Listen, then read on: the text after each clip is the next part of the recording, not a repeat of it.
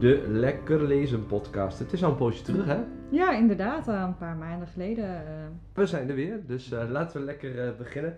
Zeg, eh, jij bent eh, wat boeken aan het lezen? ja, eh, momenteel eh, boek van eh, Pieter Omtzigt, eh, Een nieuw sociaal contract. En ehm, ja, op mijn eh, lijst staat eh eh, A Narrow Door van Joan Harris. Eh, zij is de schrijfster van eh Chocolat, dat uiteindelijk ook is verfilmd eh, met Johnny Depp in de hoofdrol. Oké, leuk. En zijn er nog boeken waar je verder naar uitkijkt? Of je zegt van, nou, die komen binnenkort uit. Of er zijn wat boeken die ik graag eh, in, in mijn boekenkast wil hebben. Die je bijvoorbeeld tijdens de boekenmarkt in Deventer zou kunnen gaan vinden. Ja, ik moet er nou- daar moet ik nog een lijst voor maken. Maar er zijn wel een paar dingen waar ik naar uitkijk. Eh, van Stephen Fry. Ehm, die heeft eh, bepaalde boeken over mythologieën geschreven. Dus helden, mythos en ehm, de Troje volgens mij. En nu komt er volgens mij het laatste deel, eh, Odysseus. En daar kijk ik echt naar uit. En volgens mij komt er in september ook weer een nieuwe uit van Stephen King. Dus ongeacht eh, waar die over gaat, ik kijk daar ook naar uit. Ja. Oké.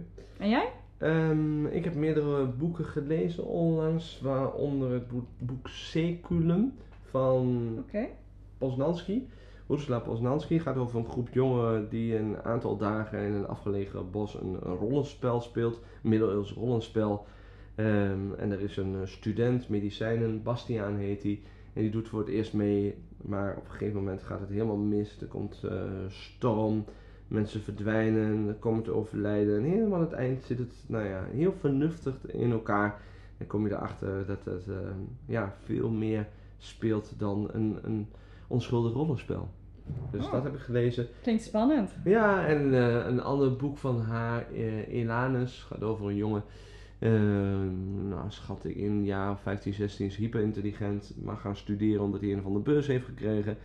En eh, die eh, heeft een eigen drone gemaakt en in zijn vrije tijd gaat hij daarmee filmen. En hij filmt per ongeluk eh, iets wat hij niet had mogen filmen, maar daardoor raakt hij in de problemen.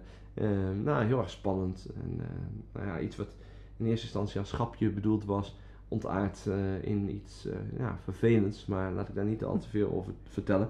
Maar het heet eh Seculum. Nee, Seculum is dat, is dat andere boek en dit is Elanus.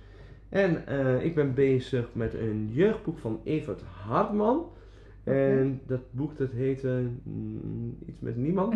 ik weet niet meer precies hoe dat boek heet van... eh, En dat is Ah, wel een ouder boek al. ja, Evert Hartman, niemand houdt mij tegen. En dat gaat eh, over Nederland in de 22e eeuw is onder water gekomen. Eh, Amsterdam is verplaatst, want het is overstroomd. Ten oosten van Staphorst is het alweer opnieuw opgebouwd. En, ehm, Oh, dat zou nog eens uit kunnen komen ook. eh. nou, in Rotterdam hebben ze een grote muur omheen geplaatst. En er zijn appartementen en woningen die ze diep in de grond hebben ge- gebouwd. Dus ik ben heel erg benieuwd eh, waar dit verhaal toe leidt. Het is van Evert Hartman. Niemand houdt mij tegen, dus ik ben er maar net in begonnen. Dus ik kan er nog niet zo heel veel over vertellen. Maar het klinkt wel goed. Ik ben nieuwsgierig naar eh, zijn voor, eh, voorspellingen omtrent de toekomst. Ja, nou ja, ehm, het, het- in die tijd ging het ook al een beetje over de klimaatcrisis, het broeikaseffect en de, de stijging van de, de waterspiegel. Welke effecten het zou hebben voor Nederland. Dus niet alleen West-Nederland, maar ook Noord-Nederland, Friesland en Groningen zouden ook verdwijnen volgens het boek. Nou ja, eh, er niet veel over. we gaan het, eh, ik ga het lezen. Ik, ben- ik hou je op de hoogte. Ja, doe dat. Ehm, maar wij gaan het vandaag voornamelijk hebben over eh, het boek De Middernachtbibliotheek van Matt. Heek. Ja, ik zei eerst Haig, maar het moet Heek zijn. Met Heek, ja. En eh, dit boek eh, heeft een hele tijd bij mij in de kast gelegen. Ik heb het van jou gekregen. Ik weet niet meer of het op mijn verjaardag was of met kerst. Of... In ieder geval, ik heb het gekregen. En eh, nou ja, vervolgens heb ik het heel dapper in mijn handen genomen om er eens doorheen te bladeren. Met enige aanmoediging van met mij. enige aarzeling begonnen. Eerste hoofdstukjes gelezen. Het, het is makkelijk geschreven, het zijn korte hoofdstukken. En vervolgens heb ik het weer keurig in de kast teruggelegd. Ehm, Waarom? nou, de reden is eigenlijk dat ik het een heel erg depressief begin van het eh, boek vond. Het gaat over Nora Seeds. Dat is eh, Nora Seed, niet Seed, maar Seed. 35-jarige dame die het leven gewoon niet meer ziet zitten. Het is heel uh, grauw, heel duister. Je zit echt in haar hoofd. Haar kat is overleden. Ze heeft geen contact meer met haar ouders. Geen contact meer met haar broer. En op bladzijde 25, um, dat, dan lees ik eventjes een klein stukje uit voor. Onder een zware loodgrijze wolkenlucht, een hemelse echo van Nora's gemoedsgesteldheid, zwierf ze door Bedford op zoek naar een reden om te bestaan. De stad was een transportband vol wanhoop. En gaat het door het grindstenen sportcomplex waar haar overleden vader haar ooit had zien zwemmen. Het Mexicaanse restaurant waar ze Dan mee naartoe had genomen voor fajitas. Het ziekenhuis waar haar moeder was behandeld. Nou, echt in vijf zinnen. Uh, Heeft hij je depressief gekregen? Nou, uh, kwam ik in een gemoedstoestand waarvan ik dacht van... Nou kijk, als je een boek leest, je leest een boek om bijvoorbeeld geïnformeerd te worden. Of om vermaakt te worden. Um, of, nou ja, om, omdat je dieper liggende kennis tot je wil nemen. Weet ik veel, mindfulness of wat dan ook. Maar als je depressief wil worden, moet je zeker de eerste hoofdstukken van de Middernachtbibliotheek gaan lezen van Matt Heek. En vervolgens heb ik het weggelegd. Oké. Nou, um, allereerst, het was niet mijn bedoeling om jou depressief te krijgen. um, maar uh, er, zit, goed, er is een goede reden waarom het zo depressief begint. Um, Matt Heek heeft zelf, toen hij in zijn twintiger jaren was, een enorme depressie gehad. En vanuit die depressie is hij later gaan schrijven. Um, ook, um, kijk, ik ben er niet zo heel erg overgevallen als uh, misschien andere mensen. Ik begrijp het wel. Het is ook inderdaad de eerste bladzijde dat je denkt, nou, nou, nou, nou, wat een lijdensweg voor de, dit hoofdpersoon. Maar het begint ook met, um, als je de achterkant leest, het begint met dat de hoofdpersoon dus ja, een zelfmoordpoging wil doen. Ze is depressief, ze heeft niemand meer om voor te leven. Ja, ze wil gewoon dood. Klaar. Ja, nou ja, en eigenlijk, het betreft een, een, voor haar gevoel dan mislukt leven. Uh, ze, ze, heeft een hele tijd op niveau gezwommen. Nou ja, uh, eigenlijk omdat haar vader dat wilde. Um, en op een gegeven moment wilde ze gewoon niet meer. Um, ze, ze had uh, ze heeft een verloving op het laatste moment afgeblazen. Ja. Kortom, alles is mislukt. ze maakte muziek. Ja, ze werkte in een, uh, een winkel, uh, een platenwinkel, terwijl ze vrij intelligent is en eigenlijk gletsjeronderzoeker of zo wou worden. Ja, en uh, volgens mij zat ze niet in een bandje. Ze hadden volgens mij een bandje, maar ze hebben al de hele tijd niet opgetreden. Ook dat. dus ja, zeg maar, een leven vol mislukking, zo is ze dat ervaren. Nou ja, goed, uiteindelijk heb ik het boek inderdaad een tijdje weggelegd. Maar ik dacht, ik lees natuurlijk wel verder, want Ehm, ja, van de Middernachtbibliotheek, daar, daar zijn de, de reviews wel heel erg positief uh, van. Um, want het verhaal gaat natuurlijk verder. Zij neemt pillen om uh, nou, toch zichzelf van kant te maken. En op een gegeven moment komt zij in een magische, Harry Potter-achtige bibliotheek terecht. Ja. Dat zijn niet mijn woorden, die heb ik van internet uh, geplukt. um, En in die bibliotheek, uh, daar ziet ze eindeloze rijen boeken zonder titel. maar op een gegeven moment zijn al die boeken zijn in beweging. Van links naar rechts, van boven naar beneden. Alles ja. trilt en alles raast langs haar heen. En ze ziet een bibliothecaresse, mevrouw Elm, die ja. heel belangrijk voor haar was.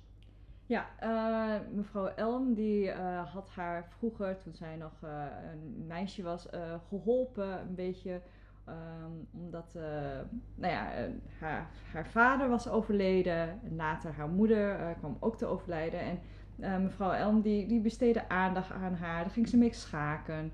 En um, ja, zodoende is zij een hele belangrijke invloed op haar leven geweest. Een plek waar ze zich veilig en geborgen en geliefd voelde. Ja, nou ja, eh, als contrast, hè, uh, geen contact met broer en uh, ouders overleden, was zij wel degene die haar steun en toeverlaat was. Um, en volgens mij was het ook mevrouw Elm die de telefoon opnam en te horen kreeg van, ja, je vader is overleden. En ja, die was heel belangrijk voor haar. Dus ja, het is wel een sleutelfiguur. En uh, het feit dat zij daar in die bibliotheek uh, zit, dat, uh, dat is natuurlijk van een groot symbolische waarde. Ja, nou ja, dan heeft ze dus al die boeken. Waarbij voordat ze een boek gaat lezen, eh, krijgt ze het boek van Spijt te zien. En dat is een boek waarin geschreven staat waar ze overal spijt van heeft gehad. Ja. Ik heb spijt dat ze dat, dat, dat huwelijk heeft afgeblazen. Ze heeft spijt dat ze nooit gletsjeronderzoeker is geworden. Spijt dat ze niet door is gegaan met zwemmen. Ja, dus de- overal waar je spijt van kunt hebben, dat heeft ze daar opgeschreven. En door dat te lezen, ehm, raakt ze in eerste instantie weer depressief. Ja. Hè, van, goh, wat heb ik van heel veel dingen heb ik toch wel spijt.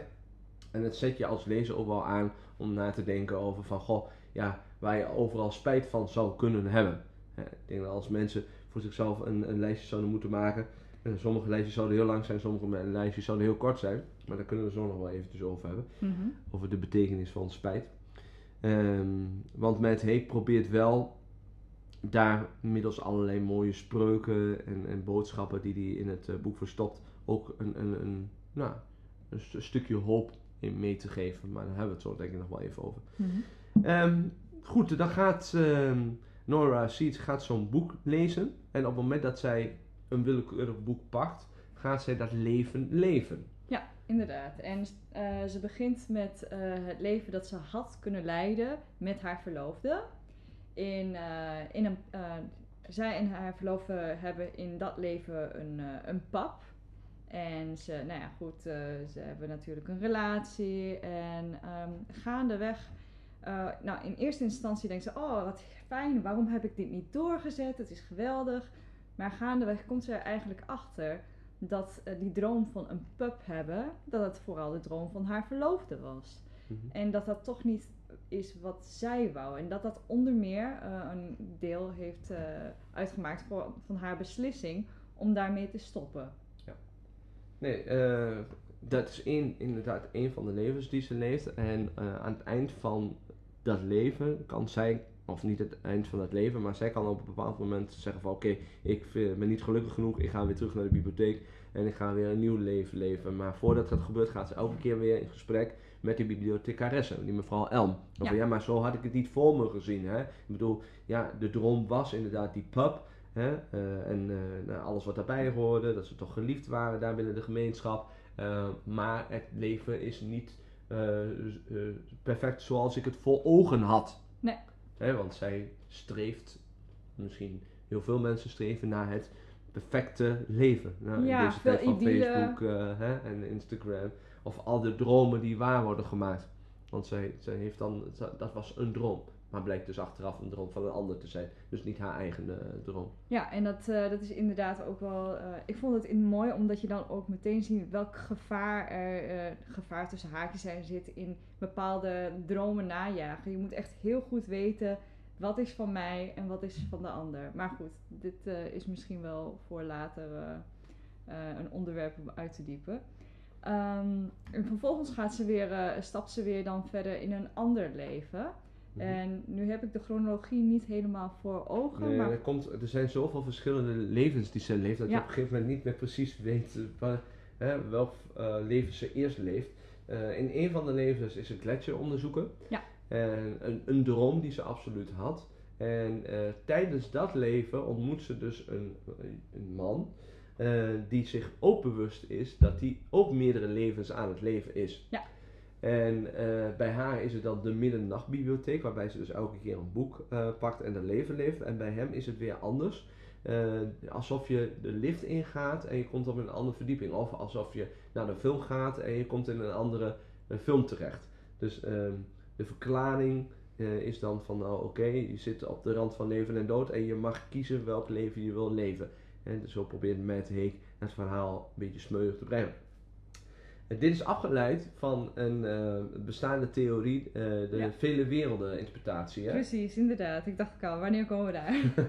Ja, die, vele- die vele werelden interpretatie, dat is eigenlijk van de kwantummechanica. En waarbij dus wordt gezegd van, volgens mij is dat, ja, ik weet niet precies die naam hoor, die van Schredderling of zo. S- Schre- Sch- Schrudder? Schre- Schredderlingen, een andere ehm, wetenschapper die de theorie heeft ontwikkeld, een gedachte-experiment, waarbij je ehm, een, een kat hebt die zowel levend als dood is. Hè? En je kunt dat heel mooi beeldend maken.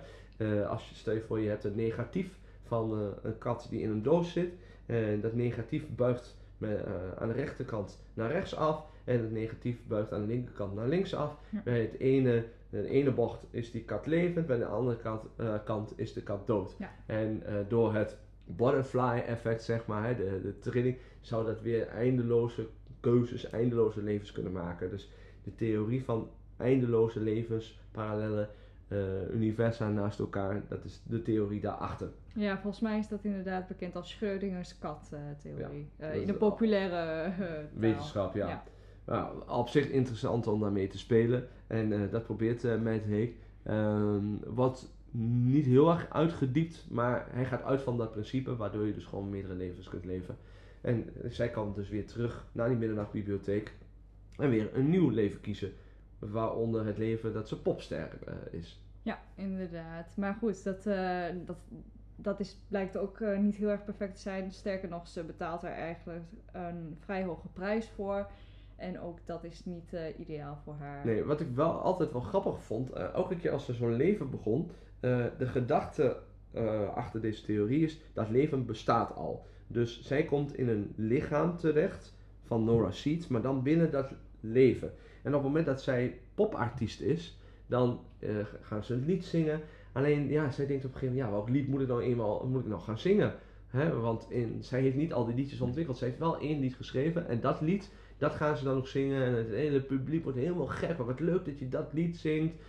Maar zij moet heel erg improviseren in Ja. elk leven. Ja, dat is wel om- inderdaad mooi. Niet op te vallen. Dat, eh, nou, dat ze het- eigenlijk nieuw is in Ja. haar, nieuw, haar leven. en dat zie je zowel als ze gletsjeronderzoeker is, eh, of dat ze een ander leven leidt, moet ze elke keer improviseren. Ja. En ook als ze een, een bekend spreekster is, want dan is ze volgens mij ehm, ja. Olympisch kampioen geweest. En dan gaat ze spreken voor heel veel mensen, maar dan praat ze vooral.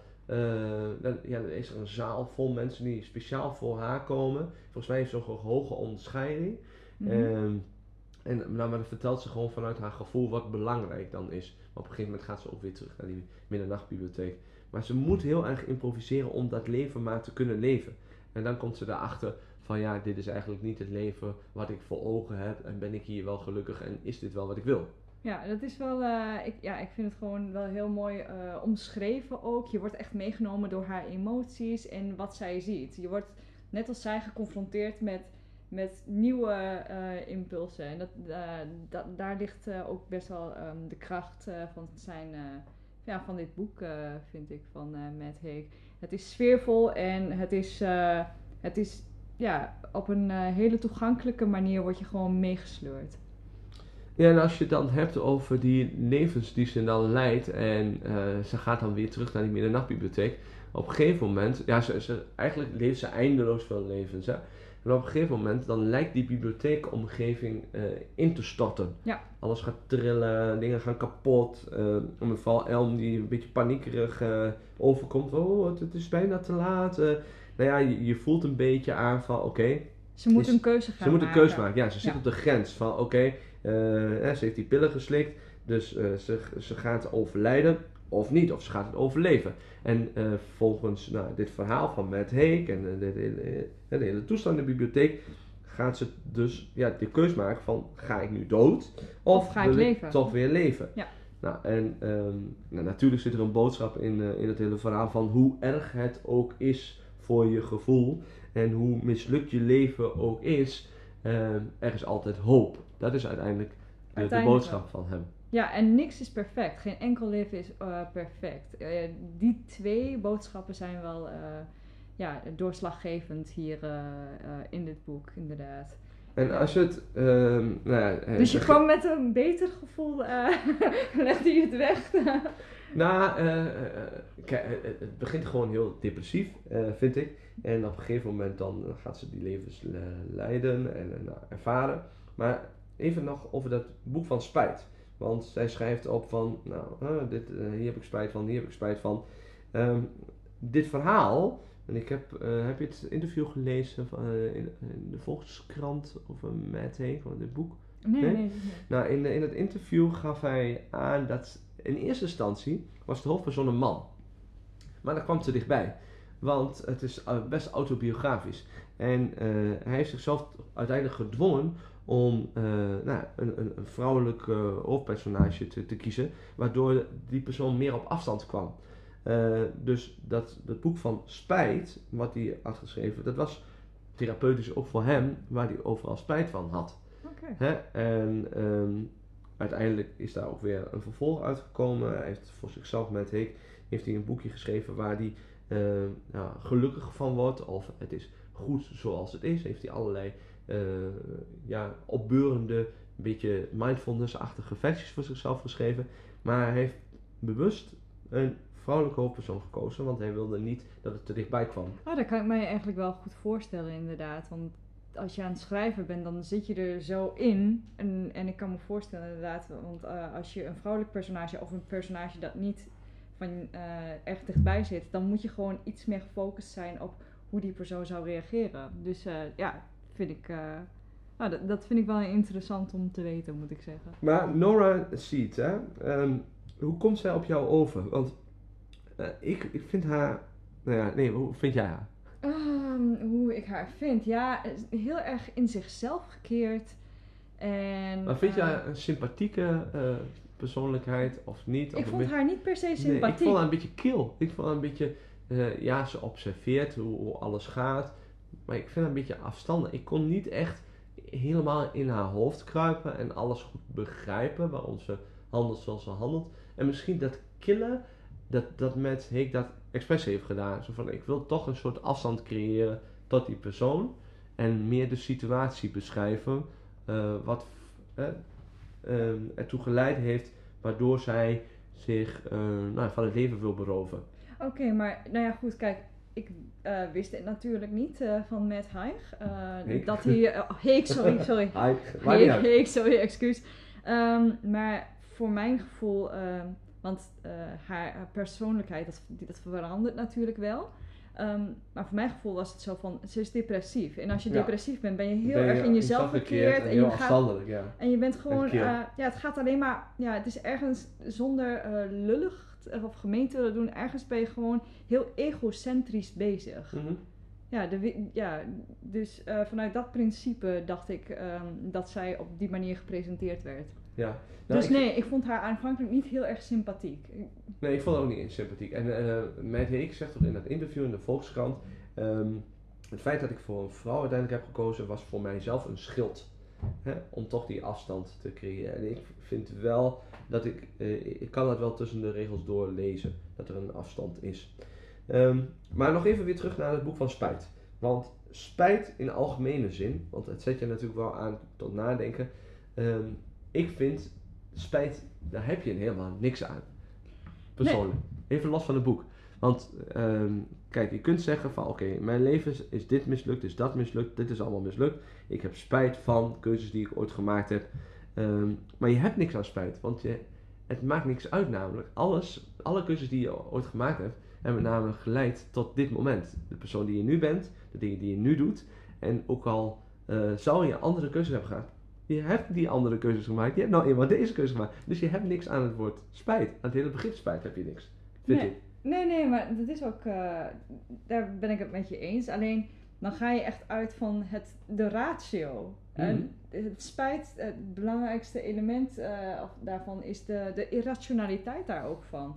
Je wordt gewoon meegesleurd door bepaalde gevoelens. En natuurlijk kan dat inderdaad voor eh, allerlei gedachten zorgen die het nog erger maken.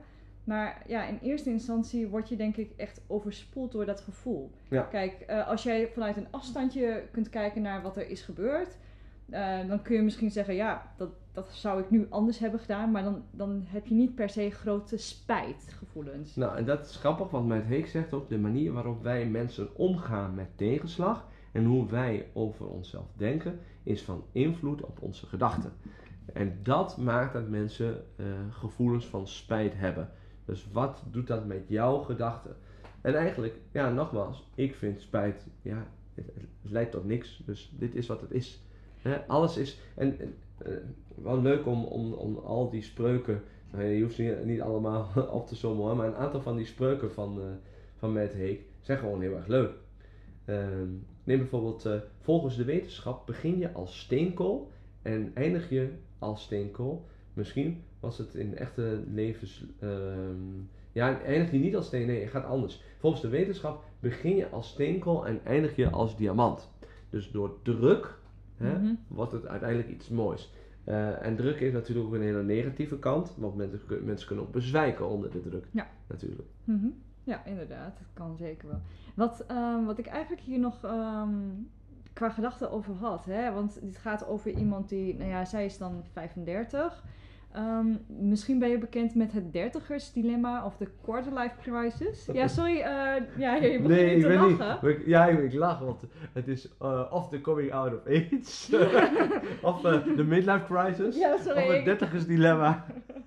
ja, inderdaad, ik kom daar wel vaker mee. Maar ik moest daaraan eh denken. Het is denk ik wel ehm, iets dat eh, misschien bij mijn, laat ik het bij mij houden, mijn generatie ook eh, heeft gespeeld. En ik, ehm, dat, dat eh, de angst om spijt te hebben, om, om dingen gemist te hebben. En dat het perfecte dat is plaatje toch er eh, is. Dat is een- los van elke leeftijd. Ik, maar ik denk dat eh, mensen die eh, eh, tieners, twintigers, die zijn allemaal bang om dingen te missen. Van daarom eh, mo- moet je alles volgen. Eh, zitten mensen op Instagram, Facebook, wat wie is de mol gevolgd? Want anders kun je niet meepraten. Dan denk ik, ja, Nou, dat- nou uit. Dat idee dus, want eh, die generatie, eh, onze generatie was dan de eerste generatie die inderdaad geconfronteerd werd met allerlei social media beelden daarvan en het eh, maakbaarheidsideaal. Dus ik kan mij voorstellen dat als jij wat jonger bent en jij bent dan continu geconfronteerd met perfecte leven, jij kunt je leven invullen zoals jij wilt, Ehm, je kunt worden wat jij wil, de, als je er maar hard voor werkt, hè, dat ideaal. En dingen zijn niet op een gegeven moment zoals je eigenlijk had gedroomd, dan, dat die confrontatie hard aankomt. Ja, nou ja, goed. En misschien is het dan zaak dat je eh, mensen in je omgeving hebt die dan tegen je zeggen van luister, niet alles is maakbaar. En ik zeg dat ook heel vaak, kijk, je wordt geboren met een bepaald DNA en met, met bepaalde talenten en kwaliteiten en met beperkingen. Die heeft elk mens. En ehm, als ik eh, niet het DNA heb om basketballer te worden, omdat ik maar 1,65 meter ben, dan kan ik nooit eh, meedoen aan de, de hoogste basketballeague, want dan moet je minimaal 2 meter zoveel zijn. Dus ja, je kunt wel eh, richten op de sterren, één voor de stars. maar misschien moet je ook gewoon gelukkig zijn met wat je hebt en wie je bent. En je beseffen dat het leven zoals je het nu leeft, nou, dat het misschien niet eens zo gek is. Nee, het kan altijd. eh, eh, maar goed, anders. even weer terug naar die coach hoor. Eh, want het is wel heel moralistisch en zo moet iedereen maar voor zichzelf bepalen wat hij of zij belangrijk vindt. Ehm, maar op bladzijde 80, Oh. eh, daar, daar staat. Bladzijde 80. Nou, Matt Haig die schreef: le- leven is de enige manier om iets te leren. Dus wat is het doel van het leven? Iets te leren. En op bla- bladzijde 103 onderschat nooit het grote belang van kleine dingen. Dat, dat vind ik wel een aardige. Kleine dingen. Even een, eh, schouderklopje, even een gesprekje, even een aai over de bol, even wat aandacht. Dat vind ik wel een hele mooie. En nou, zo zijn er wel meer quotes. Deze vond ik ook heel mooi. Bladzijde 63. Ja. Een mens was net een stad. Je moest je niet door een paar mindere buurten laten afschrikken. Er kunnen dingen zijn die je minder leuk vindt. Maar, oh nee, een paar ongure zijstraten en buitenwijken. Maar de fijne kanten maken de stad toch de moeite waard. Een mooie metafoor. Ja, is toch wel heel erg mooi. Ja. Dus ja, er zijn grauwe kanten, eh, maar die horen er wel bij. Hè? Zonder eh, dalen geen pieken.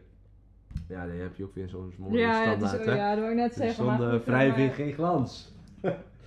Nee, Eh. maar eh, ja, we kunnen wel eh, constateren dat de strekking een beetje van het moraal is dat, dat, niks, dat het leven niet per se perfect hoeft te zijn. Nee, maar dat het, het, leven, ja, het leven is gewoon het leven.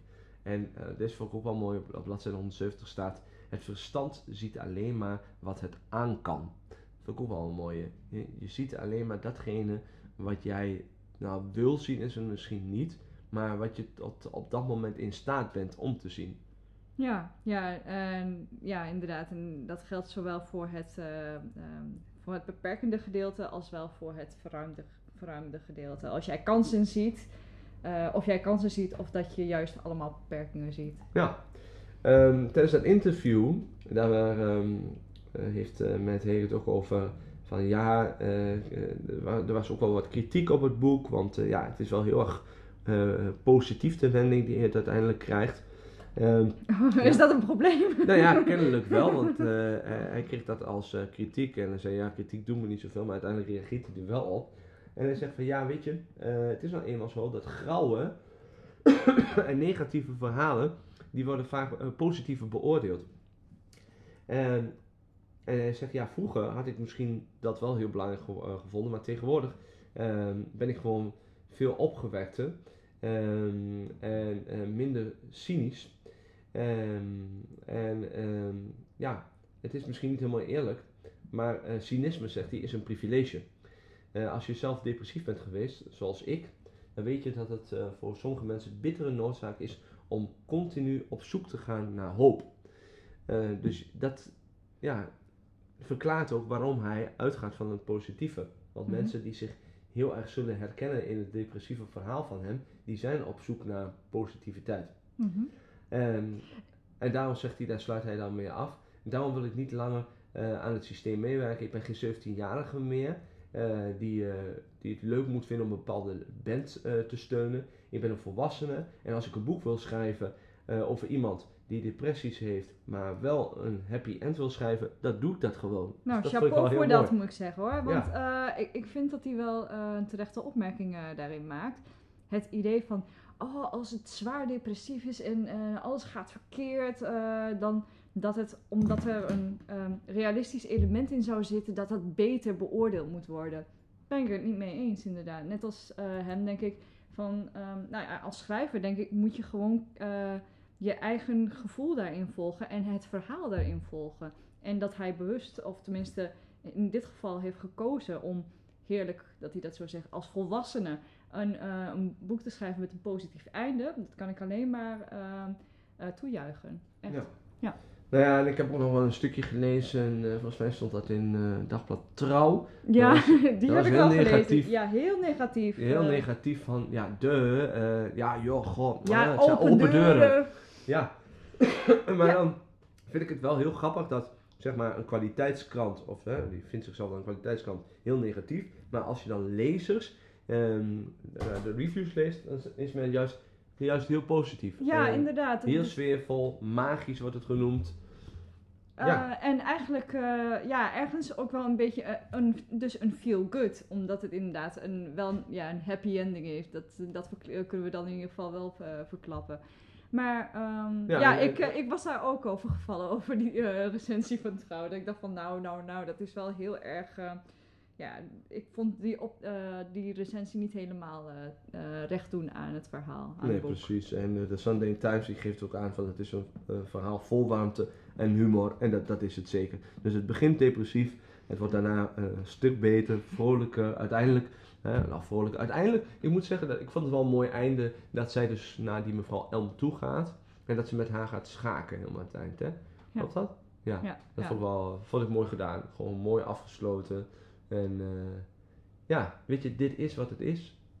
Ja, en het is eh, nogmaals toegankelijk, fantasierijk geschreven, eh, voldoende sfeer, maar niet overdadig. en ehm, nou ja, uiteindelijk terecht zoals, wat was het, de Daily Mail schreef, inderdaad wel hartverwarmend.